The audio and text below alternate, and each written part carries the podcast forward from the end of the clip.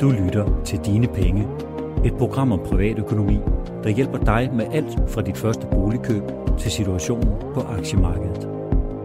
Din vært er Stefan Sinkali. Velkommen til Dine Penge. Podcasten, hvor vi prøver at klæde lidt på i det privatøkonomiske. Rigtig mange danskere bruger udlejningsplatformen Airbnb til at supplere deres indtægt med. 355.000 københavnere rejste i 2007 ud i verden overnattede via platformen. 510.000 tog den modsatte vej og overnattede i københavnernes boliger. Det var mere end halvdelen af alle Airbnb-overnatninger i det danske. Og i Danmark tjener en typisk vært faktisk omkring 15.000 kroner ved at lege sit hjem ud i omkring 23 dage om året. Når man leger sin bolig ud, mens man selv er på farten, kan det være et kærkommet bidrag til at forsøge ferien med. Men udover at være opmærksom på, at man ikke får den forkerte lejer ind, der enten ødelægger boligen eller fester så vildt, at øh, naboerne mister tålmodigheden, så er der en lang række andre faldgrupper, man skal være opmærksom på, når man giver sig i kast med boligudlejning. De faldgrupper er lidt anderledes, når man taler korttidsudlejning. Og der er også forhold, man skal være opmærksom på, øh, når man som andelshaver i en andelsforening vil invitere betalende gæster ind i sit hjem. For at gøre os lidt klogere på de potentielle problemstillinger, har jeg inviteret Jan Hansen ind i studiet. Han er direktør for Andelsboligforeningernes fælles repræsentation. Velkommen, Jan. Tak for det. Måske du kan starte med, hvad, hvad er det første, man skal være opmærksom på, når man vil øh, begynde at lege sin bolig ud på Airbnb? Jamen, når man har en, en andelsbolig, så er man jo med i en andelsboligforening, og, øh, og der bliver tingene reguleret via de vedtægter, der er i, i foreningen. Og øh, det betyder faktisk, at udgangspunktet det er, at man ikke har ret til at korttidsudleje sin bolig. Øh, vi kan så komme lidt ind på, jamen, hvad kan man gøre for at åbne op for de her ting, men udgangspunktet det er, at man egentlig ikke har ret til at, at korttidsudleje. Og det hænger jo sammen med, at når man har en andelsbolig, jamen, det er ikke alene, at man har brugsret til en bolig, man er også del af et fællesskab, øh, og, øh, og derfor er det helt afgørende i en andelsboligforening, at de boliger, der er i foreningen, at de er beboet af dem, der er andelshavere. Så der kan man måske med fordel starte med at tage fat i sin formand og lige høre ad, øh, hvis ikke man selv lige har adgang til vedtægterne, eller at høre, om der er mulighed for det. Ja, altså det vil fremgå af vedtægterne, hvis der er, er mulighed for, for korttidsudlejning. Og det vil sige, at det er faktisk noget, der skal op på en generalforsamling, hvis man ønsker en, en korttidsudlejning. Og det er der selvfølgelig så også foreninger, der, der rent faktisk gør. Ja, fordi øh, jeg kan også forstå, altså hos, hos ABF, øh, der har I også indført et, et forslag til, hvordan man kan gribe det an øh, vedtægtsmæssigt. Ja, det hænger jo sammen med, at, at foreningerne, der kontaktede os og gerne ville åbne op for, for korttidsudlejning, omvendt også gerne vil have det i en eller anden reguleret form. Øh, og der udarbejdede vi så nogle, nogle vedtægtsbestemmelser, som, øh, som man så kunne øh, tage ind i, i vedtægterne, og dermed give de enkelte andelshaver ret til at, at korttidsudleje. Og hvad er de, kan du snakke noget om, hvad er de typiske anbefalinger fra? Øh, Jamen det vi, har, det vi har skrevet i vedtægten, det er øh, dels, at man maksimalt må, øh, må korttidsudleje øh, tre uger i løbet af et kalenderår, og hver enkelt øh, legemål skal mindst udgør tre dage. Og så er der en, og det er rigtig, rigtig væsentligt, øh, der er øh, en bestemmelse om, at man skal øh, orientere bestyrelsen om det, man skal orientere de øvrige beboere om det her. Og det hænger jo sammen med, at at når der er rigtig mange andelsboligforeninger, jamen, så handler det også om, om tryghed. Øh, det handler om, at man jo i fællesskab skal vedligeholde de her ejendomme. Og vi ved, at når der i en ejendom er korttidsudlejning, jamen, så er der mere slid. Øh, beboerne opfatter lige pludselig, at der er fremmede på, på trappeopgangene. Og derfor er det helt afgørende i de bestemmelser, som vi har udformet, at, øh, at det foregår i nogle regulerede øh, situationer, det vil sige, at de øvrige beboere skal orienteres omkring det her. Ja, der er der god grund til at spidse ører, fordi altså, jeg rigtig mange andelsforeninger bruger jeres øh, standardvedtægter. Altså, da vi skulle lave vores vedtægt om i den andelsforening, jeg bor i øh, på Vesterbro, for nogle år tilbage, øh, der brugte vi også jeres, og efterfølgende fik vi også øh, den her bestemmelse ind, øh, standard ekstra øh, bestemmelse vedrørende korttidsudlejning, så de fleste vil nok opleve, at det er det, der står i deres vedtægter. Øhm, og, og det er der så også nogle grunde til, altså det her med, med maks tre uger og tre overnatninger, det er vel også sådan, at der ikke kommer et rand. Jamen lige præcis, ikke? Vi, vi, vi, vi kan jo se, det kan vi også inden for hotelbranchen, ikke? Jamen det, det, der er et slid på ejendommen, øh, på bygningsdelen, når at, øh, at der kommer hele tiden nye øh, beboere. Øh, og, og vi ved fra mange foreninger, at at det er helt afgørende, at der er den her tryghed omkring, at man ved, at, at, øh, at nu her de næste tre dage, jamen der er der altså en anden, end man normalt vil, vil rende på i, i trappeopgangen. Og hvis man så ikke overholder de øh, vedtægter, hvad, hvad kan der så ske for en som andelshaver? Jamen det vi har, har foreslået, at man indfører sin vedtægter, det er, at hvis en andelshaver ikke øh, overholder de regler, man nu har fastlagt i foreningen, at så bliver man frataget muligheden for at korttidsudleje i en periode på, på to år. Øh, og hvis det så bliver ignoreret af den pågældende andelshaver, jamen, så er vi jo ude, hvor man ikke kan udelukke, at den pågældende kan blive ekskluderet af foreningen. Så, så, så er der så nogle andre faldgrupper, man skal være opmærksom på. I, I april blev der vedtaget en ny lov, der også har konsekvenser for, for andelshaver, der gerne vil supplere deres indtægt via udlejning. Kan du fortælle lidt om, hvad det var?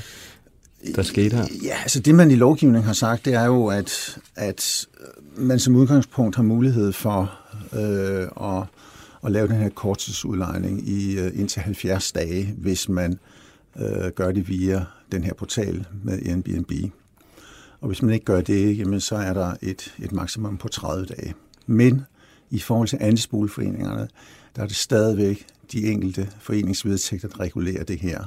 Så det er altså ikke med den her lovændring en ret, som den enkelte andelshaver har fået. Det er stadigvæk helt op til den enkelte forening at, at bestemme. Men de kan vel næppe, altså kan de, gå, de kan ikke gå ud over de 70 dage? Det, det kan man sige, det er den, den ydre grænse. Ikke? Jamen, hvis foreningen vælger at sige, at vi vil godt have korttidsudlejning, men vi vil faktisk godt give 80 dage, jamen, så er der altså limit, der hedder 70 dage nu her, hvis det er via en af de her portaler. Okay. Og så vidt jeg forstår, så er der også nogle kommunale forskelle. Ja, altså man har givet mulighed for, at, at øh, en kommunalbestyrelse kan bestemme, at i, i lige præcis kommunen, der øh, kan man i stedet for 70 dage sætte maksimum på, på 100 dage. Og det skal så fremgå af, af kommunens hjemmeside. Men, øh, og det er ikke noget, der er vedtaget anderledes her i Københavns Kommune, ved du tilfældigvis det? Øh, det, det ved jeg ikke noget om. Nej, nej. Jeg kan sige, at de foreninger øh, og, og de diskussioner, som der er i foreningerne, når man gerne vil åbne op for, for korttidsudlejning, jamen der taler man jo om, om en væsentlig lavere grænse. Øh, vores udgangspunkt det er som sagt de her tre uger. Øh, der er foreninger, der vælger en endnu lavere grænse. Okay. Kan du fortælle noget andet, hvad det er typisk, som andelshaver kommer til med, med bekymringer i forhold til? Jamen, man skal jo være opmærksom på som andelshaver. Altså et er, at hvis der bliver åbnet op for korttidsudlejning, at det jo stadigvæk er andelshaveren, der er ansvarlig over for foreningen i forhold til overholdelse af husordenen. Øhm, og, og det betyder i bund og grund ikke, at hvis den, man har korttidsudlejet til, øh, Øh, overtræder husordensbestemmelserne, jamen så er det andelshaveren, der kan komme i klemme og i bund og grund i sidste ende øh, blive ekskluderet af andelsboligforeningen. Øh, så det er ikke sådan, at man, man flytter ansvaret over til den, man nu har øh, givet lov til at låne ens bolig i en, en periode. Det er stadigvæk andelshaveren, der har ansvaret. Og apropos det, øh, så er der måske også øh, nogle, nogle øh, ting, man skal være opmærksom på i forhold til forsikringen. Ja, øh, altså hvis man, hvis man øh, benytter sig af det her via Airbnb, så har de en, en, øh, en, en tabssikring, hvis der sker nogle ting. Men Vores anbefaling det er, at man under alle omstændigheder har en indboforsikring øh, som andelshaver. Og så kan det også være en god idé lige at undersøge, jamen, hvad er det for nogle ting, at, at andelsboligforeningen egentlig dækker i forhold til skade på, på de ting, som, som egentlig hører ind under andelsboligforeningen. Altså er man dækket ind der? Øh, og vi ved erfaringsmæssigt, ikke, jamen, altså, det er nogle ting, der godt kan komme i brug det her, ikke? så det er rigtig vigtigt at få undersøgt de her forsikringsmæssige ting. Altså det kunne være sådan noget som vandskade? Øh... Netop. Ja. Okay, og, øh, og til sidst så er der også de her øh, altså, skattemæssige forhold ved, ved, ved udlejningen. Altså der er øh, der er en, en, en vis grænse for, hvor, hvor, hvor langt man kan gå op i forhold til sin indtjening på det her, før man også skal begynde at betale lidt til den danske statskasse. Altså, grunden til, at, øh, at en korttidsudlejning gennem Airbnb kan give 70 dage, øh, og hvis man ikke gør det, så er det kun 30 dage. Mm. Det er jo fordi, at man har lavet en, en aftale med Airbnb, at de skal indberettes til skattemyndighederne omkring de her lejeindtægter. Øh, hvis man ikke gør det via Airbnb, jamen, så er der jo stadigvæk tale om en lejeindtægt, der skal, øh, der skal beskattes. Der er også nogle forskellige fradragsmuligheder, ikke? men her ikke, der er vores anbefaling, at man går ind på Skats hjemmeside og så og får undersøgt de præcise forhold i forhold til det her. Okay. Jamen ved du hvad, Jan, tusind tak, fordi øh, du vil være med i dag. Det var så lidt. Du lytter til Dine Penge, og det er blevet tid til Mikro Makromix med Ulrik Bie og Sara Jolie. I denne uge har centralbankerne fyldt rigtig meget. Der har været duer og magtkampe. Vi starter med den europæiske, hvor Mario Draghi holdt hof i denne uge. Hvad havde han at sige, Ulrik? Jamen, øh, vi havde jo et øh, pengepolitisk møde øh, tidligere i juni, øh, hvor øh, ECB jo nedjusteret deres forventninger til fremtiden, så, den, så det passer mere med det, alle vi andre siger. Øh, men faktisk et pressemøde, hvor der ikke var noget særligt nyt. Og det afspejler et pressemøde i forbindelse med et pengepolitisk møde, det afspejler det, man er blevet enige om. Når man har siddet der rundt om bordet, så har Draghi, øh, formanden, han har lidt et bundet mandat. Det, som Draghi har gjort tidligere, det er, når han gerne vil sige noget, hvad han selv mener, og så håber, at de andre simpelthen bliver bare nødt til at, at, at, at følge efter. Øh, det er, når han er ude og holde taler, og det har han gjort tidligere. Han holdt her i tilbage i 2012 en tale, som er legendarisk i og med det her begreb whatever it takes, vil de gøre for at, at, at få euroen til at overleve. Øh, det er ligesom det, der er blevet kommer til at stå på Draghis ECB-gravsten. Og øh, det lavede han så lige en yderligere en ved at gå ud og sige, at hvis tingene ikke blev meget bedre, og tingene sådan lidt blødt defineret, så var det påkrævet, at ECB kom med yderligere lempelser af pengepolitikken. Og de kunne både sætte renten meget mere ned. Vi skal huske, der var en grund til, at vi har negative renter. Det er, fordi ECB har negative renter. Og i øvrigt, at de kunne opkøbe flere obligationer. Og der må man bare sige, at det her er ikke noget, der er enighed om i ECB. Men Draghi prøver altså at gå ud og sætte en dagsorden, og så tvinge de andre til, at de ligesom er nødt til at følge op, for nu har han jo sagt det, og de skal ikke skuffe markederne. Hans problem er bare, at om mindre end to uger, så ved vi måske nok, i hvert fald det er planen, hvem der er den nye formand for ECB. Og hvis den nye formand for ECB er en, der allerede sidder i ECB i dag, så kan det være fuldstændig ligegyldigt, hvad Draghi siger, fordi så kigger vi over på ham, nok en ham, øh, og siger, hvad synes du? Og det er sådan set det, som er det store problem. Men han har virkelig, virkelig skubbet til noget, hvor at pengepolitikken går fra at være sådan marginal uansvarlig til at, at nærme sig gagag-planet. Ja, og du, du nævner selv det med, at der, der er opbrudstid i EU-persongalleriet, og det, det kan, som du siger, få konsekvenser for, for ECB-formandsposten, øh, og der er især en, der måske øh, er favorit til at overtage? Altså, det er jo en helt stor kabale, øh, og det har vi heldigvis også skrevet meget om, også på, på udland, som øh, får at sætte det ind i en sammenhæng. Og det er jo spørgsmål om, der er ikke nogen tyskere, og ikke været det i mange år, i, i, i EU's ledelse på nogen steder. Øh, og det er en tyskers tur et eller andet sted. Og hvis øh, en tysker ikke bliver formand for EU-kommissionen, eller, eller det rådet, så den tredje store post, det er ECB. Og der har man altså chefen for den tyske forbundsbank, Jens Weidmann, øh, som et meget, meget stærkt bud, et meget kompetent bud, men også et i Sydeuropa kontroversielt bud, fordi han har sådan lidt mærkelige nordeuropæiske tendenser til at synes, at man skal have orden i de offentlige finanser, og at pengepolitik ikke skal være alt for eksperimentel. Og der har han, ude, han har været ude den her uge og sige, at et, et stort øh, støtteprogram, der blev indført i 12, som han var arv modstander af og har været altid, at det var nu gældende lov. Og dermed jo ikke sagt, at han synes, det er et fremragende program, men sådan set sagt, at øh, han havde ikke tænkt sig andet, end at hvis vi kom dertil, så ville han også selv bruge det. Det program, som på forkortelse hedder OMT, det er sådan et benhårdt reformprogram, eller det, som Grækenland var igennem. Og det er det, folk glemmer. I dag, der snakker vi jo om, at ECB har opkøbt obligationer uden at stille betingelser for milliarder. De ejer 17 procent af Italiens statsgæld, uden at have stillet en eneste betingelse til Italien. Under det program og den her, som, som de har diskuteret, det er der, hvor man siger noget for noget. Vi kan godt købe jeres obligationer, men værsgo, nu skal I lave jeres samfund om. Det var det, som sagt, at, at Grækenland var igennem. Det er det, som man har gjort, når, når Valutafonden laver programmer. Så altså, det der, der er blevet snakket om den her uge, det er bare at fise sin hornlygte, fordi verden er et helt, helt andet sted i dag. Men så længe vi ikke snakker om og spørger øh, Weidmann om, om han synes, det er en god idé at købe flere italienske statsobligationer, så kan det være, at han kan charme sig igennem. Okay, og hvis vi så vender os over mod, øh, mod øh, markederne, hvad, hvad havde de at sige til, til Draghis øh, udmelding? Altså, vi er nok lidt hurtigere på aftrækkeren herover mm. end øh, hos Ulrik, hvor der er mange lange og det vigtige analyser. Men de hørte jo bare lave renter og et opkøbsprogram, og så hørte de ikke alt det, der, der kom bagefter, og alt det spekulation, der var bagefter. Så de blev sendt virkelig meget højere her i Europa. Øh, og det gjorde selvfølgelig over på den anden side af landet, der sad Trump, som jo går meget op i aktiemarkedet, og han så, at de europæiske aktier steg meget. Og så måtte han på Twitter sige, det er meget uretfærdigt, at tyske aktier nu er op 2%. Øh, så det var bare sådan en lille sjov twist med, hvad der egentlig i virkeligheden sker inden både på politik og med aktiemarkederne. Men det var jo, selvom det var meget godt for de europæiske aktier, sådan overordnet også de danske aktier, så bankaktierne, de fik virkelig meget klø på det her. Lave renter, og det har Ulrik mange gode forklaringer til, det er rigtig dårligt for bankerne. De kommer til at tjene færre penge. Det er svært for dem at tjene penge i hvert fald. Så vi bliver nødt til at have lave negative renter i Europa, så, bliver, altså forsvinder noget af deres indtjeningsgrundlag simpelthen. Så hvis vi bare tager Danske Bank som eksempel, og nu snakker vi ikke hvidvask, nu snakker vi bare alle de ting, der bare sådan foregår i bankverdenen. De er kommet ned i en kurs på 100 kroner, og der har de ikke været siden 2013. Så mens resten af Europas aktiemarked er steget rigtig meget, så er bankaktierne altså faldet. Og der skal man også huske, at øh, så siger man, at ja, det går bare ud over aktionærerne. Det, der er det store problem, det er jo, at en bank skal hele tiden forholde sig til, hvad sker der, hvis det går galt? Hvad sker der, hvis der kommer en recession?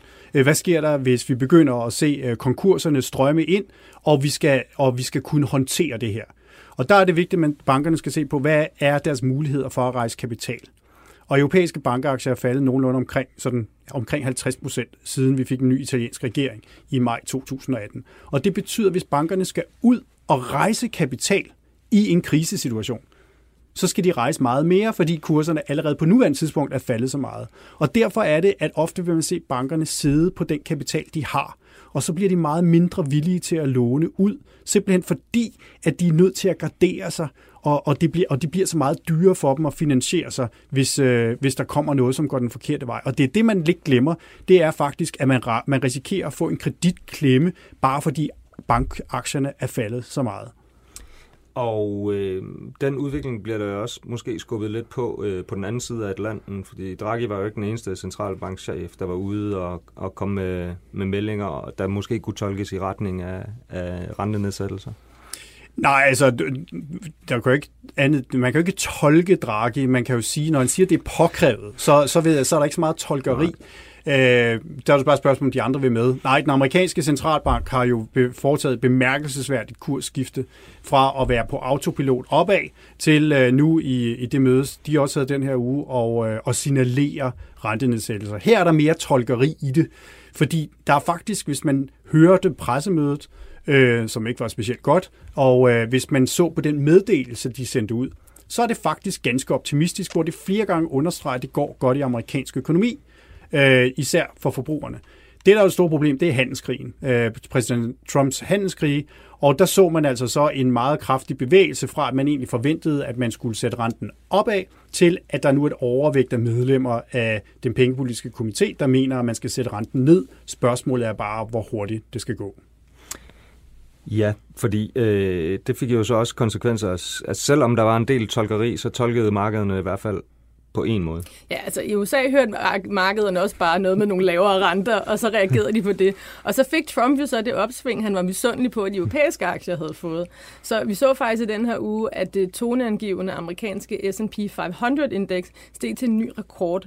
Øh, og det er jo noget, som altid er, er gode overskrifter, og det er noget, der sådan får folk virkelig øh, engageret i at overveje, hvad der er, der sker på aktiemarkedet.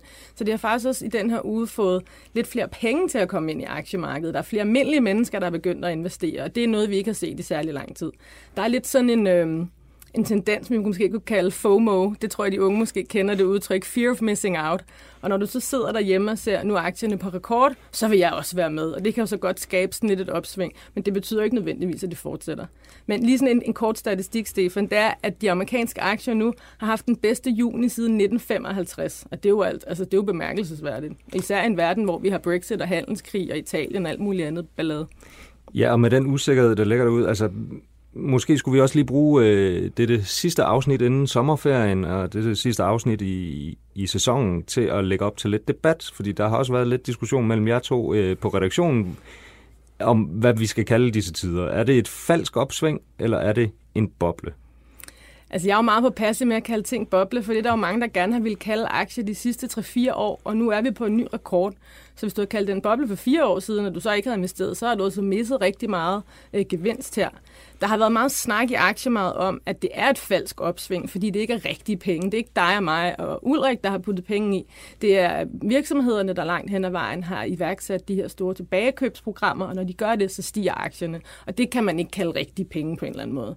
Og så har vi nogle institutionelle investorer, som de store pensionskasser. Det er jo meget vigtigt for dem, de ikke taber penge. Så når der er lidt uro, som vi har set i foråret med handelskrigen, så går de ud og laver en slags forsikringer.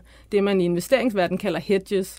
Og når de så begynder at rulle dem tilbage, og det gør de, når de ser, at der er positive tegn, for eksempel lave renter, så når de her forsikringer begynder at blive rullet lidt tilbage, så giver det sådan helt teknisk bare et boost til aktiemarkedet. Men det betyder ikke nødvendigvis, at vi alle sammen bare tænker, det er for fedt det her. Så, så derfor kan man godt kalde det en lille smule falsk opsving. Og du er så på bobleholdet? Nej, men altså boble, det, det er jo sådan noget, man kan, en, en boble kan pusses op over lang tid. Og, og jeg er jo, jeg synes jo, vi må ikke glemme, at vi har været igennem et, øh, et 10 år øh, som har været meget dramatisk, og at øh, centralbankerne reddede vores finansielle system og den globale økonomi. Det, er, det, er simpelthen, det kan man ikke være uenige om. Det, der bare er problemet, det er, at når, fordi noget var godt i en situation, så er det ikke nødvendigvis godt at blive ved med det samme i meget længere tid. Og øh, det er en af de ting, som driver de finansielle markeder og boligmarkeder i øvrigt, det er jo, at der er rigelig gratis penge. I Europa, der får du langt, de fleste obligationer, næsten alle danske obligationer, øh, statsobligationer har nu negativ rente. Ikke? Og det vil sige, selv når man låner til den danske stat i lang tid, så skal man stadigvæk betale for det. Og det er jo klart, det, det er jo gak. Altså, der, der, har du, der har vi forladt planeten, der har vi gået til, flyttet til planeten Absurdistan, ikke? Altså, det her, det giver ikke nogen mening. Og, og det er det, der er lidt af problemet, det er, hvis, hvis den måde, hvis vores økonomi kun kan fungere, og hvis vi kun kan opretholde de aktiekurser og de obligationsrenter, vi har nu, ved at centralbankerne bliver ved med at poste gratis penge ind, så er, så er det jo ikke rigtigt. Og det er jo det, der det, pris skulle være noget, der forklarer os lidt om, hvordan tingene går. Hvad er en boligpris? Hvad, hvad, hvad, hvad, hvad er en virksomhed værd?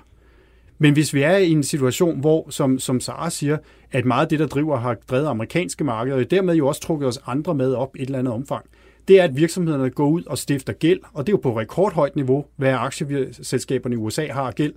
Og de, den gæld har de ikke brugt på at investere og skabe omsætning og skabe vækst og skabe arbejdspladser. De brugte det på at købe deres aktier tilbage for at understøtte aktiekursen. Og det jo, kan de jo kun gøre, fordi renten er lav. Fordi det er billigt. Og nu bliver det endnu billigere. Jeg var lige været i New York, og når jeg siger, at jeg som god makroøkonom, ikke, og sådan, jeg har ikke øh, tysk afstamning, men jeg føler mig lidt på den måde, ikke, at, at det der med, jamen skal de så ikke bruge de lave renter nu, og den forskrækkelse, de har været igennem her i foråret, på at de nu begynder at nedbringe deres gæld, så kigger de på mig og ruller med øjnene og siger, så længe renten er lav, så vil de lave de her opkøbsprogrammer, fordi det er den måde, de understøtter deres øh, deres hvad hedder, aktiekurser, og dermed selvfølgelig også deres egen bonusser. Så der er en, der er en indbygget tendens i de her systemer til, at når noget er gratis, så har du uendelig efterspørgsel. Og det er det, vi, øh, det, vi oplever nu. Og det er ikke nogen sund tilstand. Kald det en boble, man kan det mange ting. Men, men det, er, det er i hvert fald en meget, meget usund tilstand, vi er i lige nu. Okay. Og så, ja, jeg har du bare lige en, en, en, en enkelt kommentar til det. Øh, men, men der er jo også lidt sådan en, en holdning i aktiemarkedet, at sådan lidt fake it till you make it. Så hvis vi bare kan have centralbankerne til at blive ved med at løfte aktierne, så kan vi egentlig godt fortsætte på det her niveau. Og så på et tidspunkt, så begynder virksomhederne at tjene mange, mange flere penge igen. Økonomien har det rigtig godt, og så kan de komme ind og overtage for centralbankerne. Så har det bare været sådan en bro, til vi kommer et rigtigt sted hen. Så der er lidt, vi håber, vi kan bare snyde, indtil det hele kommer til at gå godt igen. Jamen, og apropos bro, altså nu skal vi også lige vende blikket mod øh, lige først det helt korte, den næste uge, øh, og så dernæst måske også snakke øh, resten af måneden øh, og, og sommerferien, fordi øh, der kan vi jo ikke længere have de her snakke, desværre. Øh, næste uge, det står i handelstegn. Øh, vi starter med, du var lidt inde på det, en misundelig Trump Ja. En misundelig Trump, der øh, havde et meget velplaceret tweet lige efter, at Draghi havde været ude og snakke om de her lave renter, hvor han sagde, at nu havde han genoptaget forhandlingerne med den kinesiske præsident Xi Jinping, og han vil gerne mødes med ham til det 20-topmøde, der er i Japan i næste uge. Og det skaber jo selvfølgelig en masse positive forventninger om, at det kan være, at de to præsidenter igen kan mødes og snakke om, at de får en handelsaftale. Og det er jo noget, der har været meget på aktiemarkedernes retter, om der kommer til at være øh, et, et godt handelssamarbejde med de to, og så også resten af verden. Men vi skal bare huske, at hvis de genoptager forhandlingerne, og øh, med positive takter, så kommer den amerikanske centralbank ikke til at sætte renten ned lige i den kommende bag på den korte sigt, fordi det går for godt i amerikansk økonomi. Deres problem har været, at du har en handelskrig, som kunne trække det hele i hullet. Og, og det er jo det der, der hele tiden er samspillet, ikke? at, at uh, handelskrigen er det, der er den afgørende det afgørende eksterne vilkår for amerikanske virksomheder, hvor tingene begynder at knage, fordi det, det begynder at gøre ondt. Okay, og derudover så, ja, som jeg sagde, så er vi her ikke i juli, og det, vi lukker desværre ned i Det er kun dig, der ikke er der. Så og jeg, vi sidder og skriver og skriver hele måneden, fordi der sker så meget den næste måned. Ja, apropos, ja, det gør der nemlig. Altså, det, I siger øh, gentagende gange, øh, det er årets mest interessante måned for, for økonomer og aktionærerne. Nå, altså, der er jo ikke nogen tvivl om, at hvis vi, øh, vi har OPEC-møde i starten af juli, og så har vi jo også en øh, jobrapport, som bliver ekstremt vigtig. Hvis nu vi får for USA, hvis nu vi får en kvart million nye job, hvordan i alverden skal de kunne sætte renten ned på det? Øh, vi får afklaring på, hvem der bliver formand for ECB, og jeg vil sige, hvis det bliver Weidmann, så skal man absolut ikke være overeksponeret i italienske aktiver, hvad, om det er statsobligationer, aktier eller virksomhedsobligationer, fordi så får vi en bevægelse den anden vej, fordi de bliver, der, det er mindre sandsynligt, at vi kommer bare til at smide alt øh, på bålet. Så, så det er nogle af de ting, som øh, bliver ekstremt vigtige, og så må vi jo bare sige helt grundlæggende, hvor er væksten på vej hen? Er vi på vej op af hullet i Europa, eller er det noget, hvor vi kommer til at ligge og rode et langt stykke fremadrettet? Det er også noget af det, vi får lidt flere svar på. Og så har vi jo selvfølgelig et rentemøde i ECB i juli, vi har et rentemøde i øh, den amerikanske centralbank, som jo nu lige pludselig er meget, meget vigtigt. Så har vi også Brexit, som vi slet ikke har snakket om, og det skal jeg ikke snakke for lang tid om, men vi er jo ved at finde ud af, hvem der kan være den nye premierminister i Storbritannien, og det er jo også afgørende for, hvor de politiske forhandlinger går her. Og de ligger det bor så på den helt anden planet absurd i stand.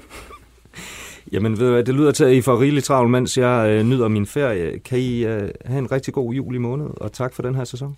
Tak for nu. Tak for nu. Dine penge er tilrettelagt af Stefan Sinkali, Sara Jolin, Ulrik Bie og Mia Svendingsen.